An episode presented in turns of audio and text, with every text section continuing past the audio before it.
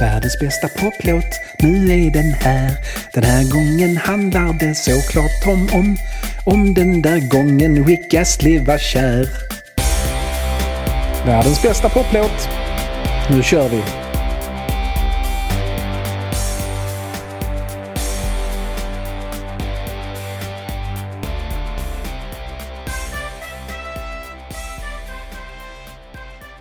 Välkommen till världens bästa poplåts-pop-podd. Världens bästa poplåt. Och jag är Nils Karlsson som dödsföraktande och egentligen mot bättre vetande tänker kasta mig handlöst in i 1987 års syntpop för att där hitta den fasansfulla sanningen om världens bästa poplåt. Det är inte bara jag som tycker Rick Astleys “Never gonna give you up” är världens bästa poplåt och att Rick Astley är världens bästa popmusik. Nej, redan 2008 utsågs han av tv-kanalen MTV till det förra årtusendets bästa artist och den bästa artisten någonsin och den bästa artisten just nu. “Never gonna give you up” vann mellan 2008 och 2014 omröstning efter omröstning världen över titeln som världens bästa poplåt någonsin. Så pass populär i omröstningar blev den att det till slut blev emot reglerna att rösta på låten. Genom sin fullständiga briljans och att den blev ett internetfenomen tog den sig in i allas hjärtan och än idag är den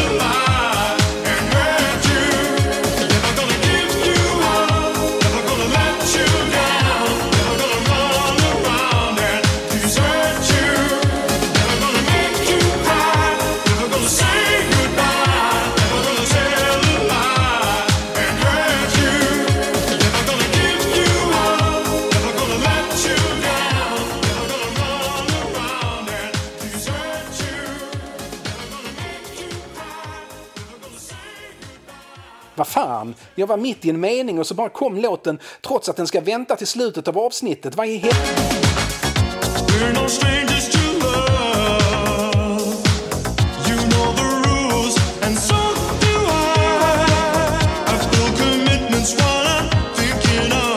Seriöst, det kan ju inte vara så att man inte ens kan få analysera en poplåt utan att den gör intrång i ens resonemang. Jag skulle ju berätta om hur Mike Stock växte upp med drömmar om att bli popstjärna och flyttade till London för att få sina drömmar att slå in.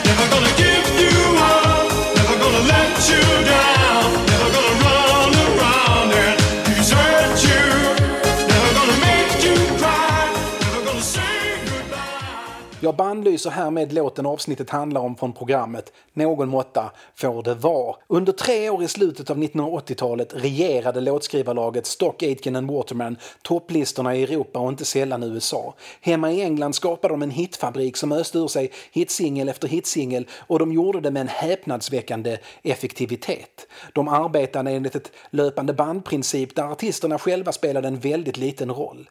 Det var inte så det hade börjat. De slog igenom som helt vanliga producenter 1984 och på den tiden såg de det som sin roll att förverkliga artistens vision genom att lyfta fram dennes personlighet till ett stadigt eurobeat. Men 1987 hade de tröttnat på artister vars kreativa och konstnärliga ambitioner kom i vägen för en låts potential att segla upp till den heliga första platsen. För så är det ju. Det finns ett recept för en hitlåt och Stock Aitken and Waterman hade hittat det. Det finns ingen plats för avvikande åsikter om man vill åt den där popmusikens heliga graal som är första platsen. Lennon McCartney förstod det, Lieber and Stoller förstod det, Barry Gordon förstod det, ni vet han som grundade Motown, ett skivbolag och produktionsbolag som arbetade väldigt snarlikt hur Stock Aitken och Waterman arbetade och Shin Chapman förstod det, receptet. Om vilken som helst av de där låtskrivarna bestämde sig för att skriva en listetta idag så skulle de kunna göra det. Vissa skulle förstås först behöva resa sig från de döda för att skriva den där hitlåten, men om de bara tog sig tid att sätta sig in en aning i tidsandan så skulle de klara det på en kvart. Anledningen till att de inte bara fortsatte skriva listetta efter listetta är att receptet är ganska tråkigt. Hade The Beatles inte slutat när de gjorde så hade de tröttnat på listettorna och experimenterat mer än de redan gjorde. Men även när Beatles var i sina mest experimentella tag, Revolution 9 undantagen, så höll de sig i stort sett slaviskt till receptet. Intro, vers, refräng, vers, refräng, mellanspel och två refränger. Med vissa variationer men inte många. Det var just The Beatles som inspirerade Mike Stock. Han var 12 år gammal när Paul McCartney sådär magiskt räknade in I saw her standing there med popmusikens näst bästa 1, 2, 3, 4. De bästa är som klart de där Springsteen räknar in bandet efter solot i Born to Run. Highways jammed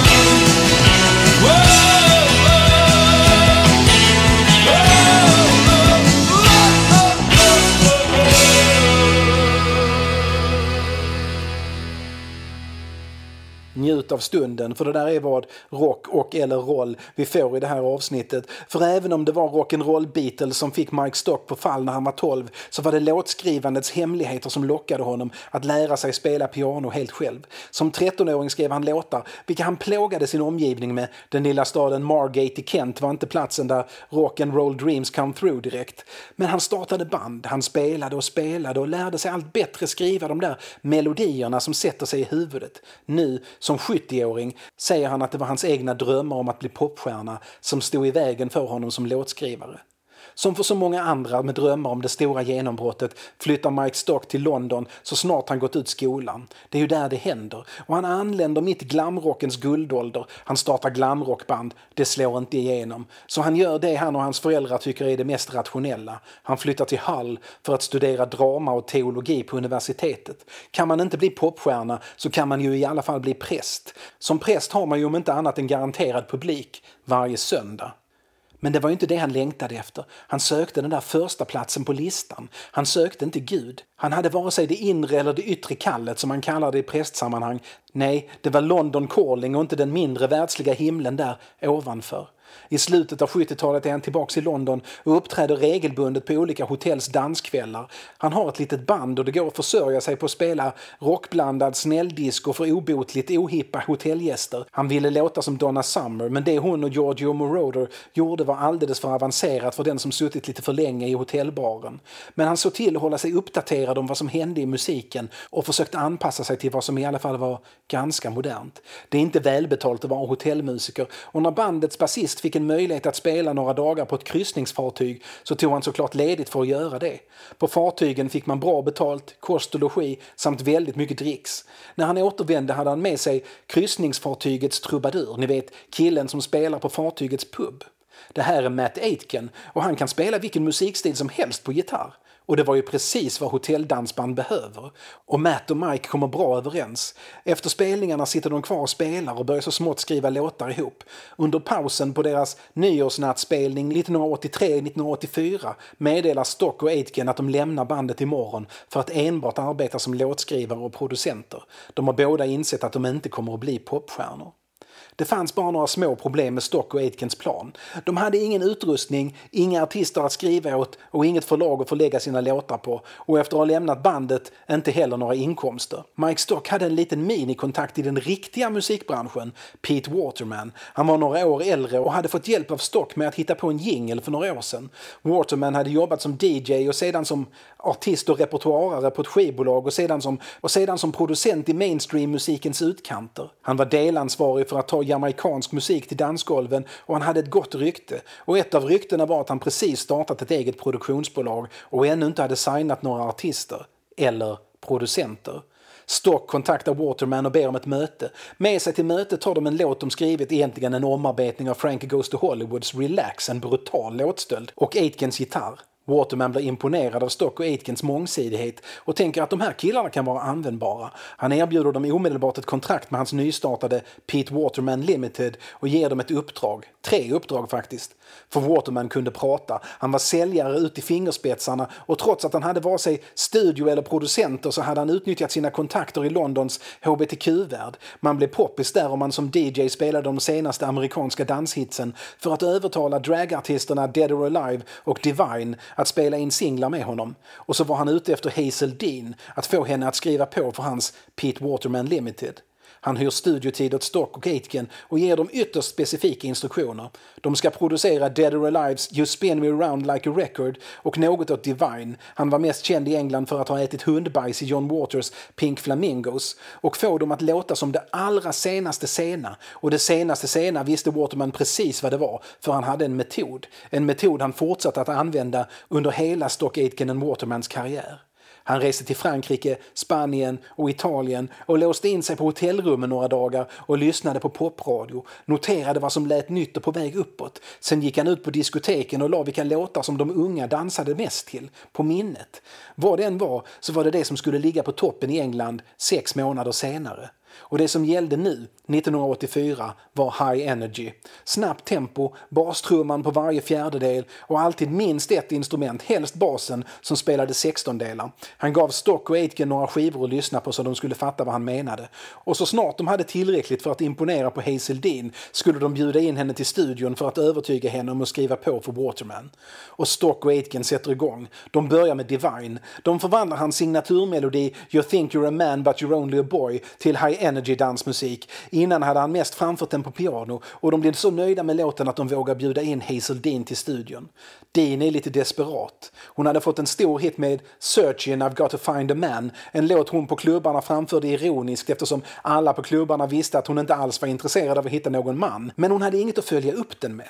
Den andra singeln är nästan viktigare än den första. Den bara måste funka, annars är man gårdagens nyheter. Hon klickar inte alls med Stock och Aitken. Inte alls. De har en personkemi som inte under några som helst omständigheter kan beskrivas som fungerande. Men hon älskar vad de gjort med Divines låt. Det är så hon vill låta. För det låter som det där de allra coolaste på klubbarna dansar till. Kan ni göra en sån låt åt mig? Visst, säger Stock och Aitken.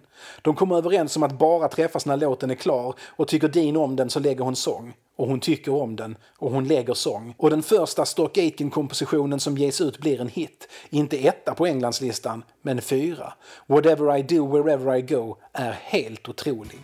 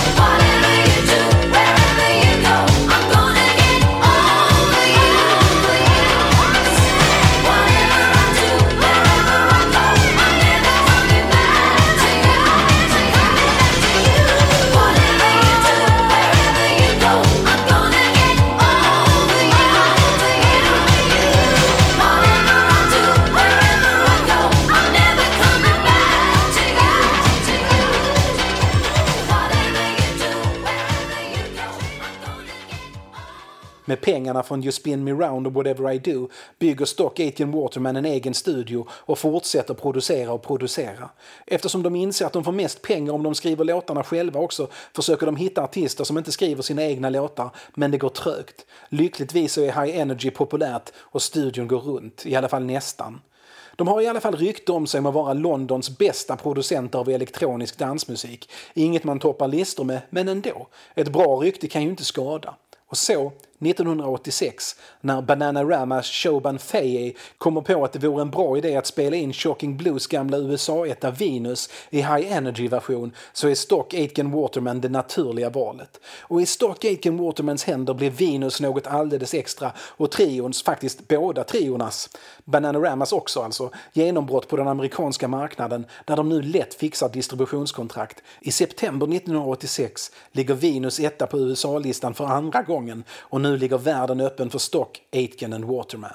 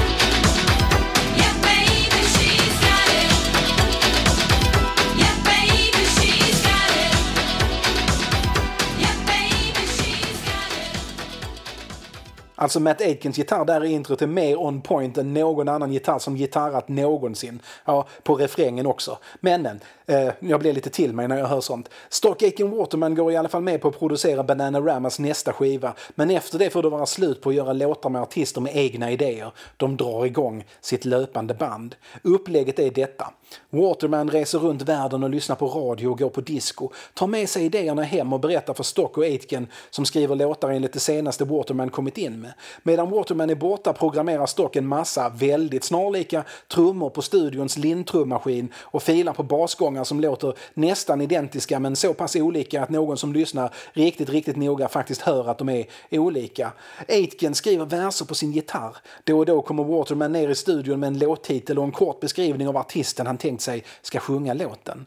Därefter skriver Stock och Aitken ihop en refräng tillsammans och sen sätter de igång med texten. Och visst, man kan håna deras texter. Banala och helt utan något utmanande alls. Thatcheristiska beskriver Neil Tennant i Pet Shop Boys deras texter, rent av fascistoida. Men det är väldigt hårt. För ja, de handlar alltid om kärlek och ungdomliga drömmar och aldrig om något negativt eller uppror eller politiskt alls. Waterman har koll på att positiva texter säljer minst 25% mer än negativa. Men de är fullständiga mästare på att skriva refränger som når rätt in i hjärtat på singelköpande flickor runt om i landet. En riktigt bra refrängtext fångar hela låtens emotionella kärna och där är Stock och Aitken oöverträffade. Givetvis används refrängens första rad som låtens titel, men man ska inte avfärda deras författare författande. I samma stund Rick Astley sjunger I'm never gonna give you up så säger det allt en hel massa flickor runt om radion eller tvn vill höra. För rätt människa så innehåller I'm never gonna let you down, I'm never gonna fool around or desert you mer djup och mening och känsla än aldrig så många Ian Curtis-texter eller Dylan-texter eller vilken annan kulturell godkänd textförfattare som helst. Fan, texten till I'm never gonna give you up är bättre än alla Ulf Lundells texter tillsammans. Jag skäms inte för att säga det och innerst inne vet du också att det är sant. Visst, Rick Astley skickar in hela sin personlighet i låten och han har en fantastisk röst. Men Stock Aitken Waterman hade lika gärna kunnat boka första platsen så snart sångtexten var klar.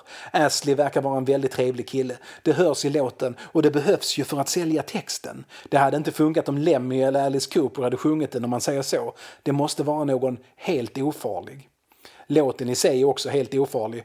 Vid det här laget hade Stock Aitken Waterman tvättat bort allt det där lite tuffa som präglade deras tidiga High Energy-låtar. 1987 var det ren pop. Never gonna give you up blev Stock Aitken Watermans andra etta på USA-listan och tack vare att någon rolig jävel länkade till videon till den istället för som han påstod till den första trailern för spelet Grand Theft Auto 4 2008 så har den ett evigt liv på nätet. 1987 var verkligen Stock Aitken Waterman Watermans år. De släppte låtar med Mellon Kim, Kylie Minogue och Jason Donovan som alla toppade Englandslistan. De var stora 1988 också och i slutet av 1989 inträffade den första veckan i Storbritannien sedan Venus utan en Stock Aitken Waterman-låt på topp 10. Och deras undergång som hitmästare släpptes faktiskt redan 1987. En banbrytande singel vars inflytande låg några år bort. En ny musik. En ny musik utan egentliga refränger eller låtskrivare. En ny tid. Skruva upp volymen vänner.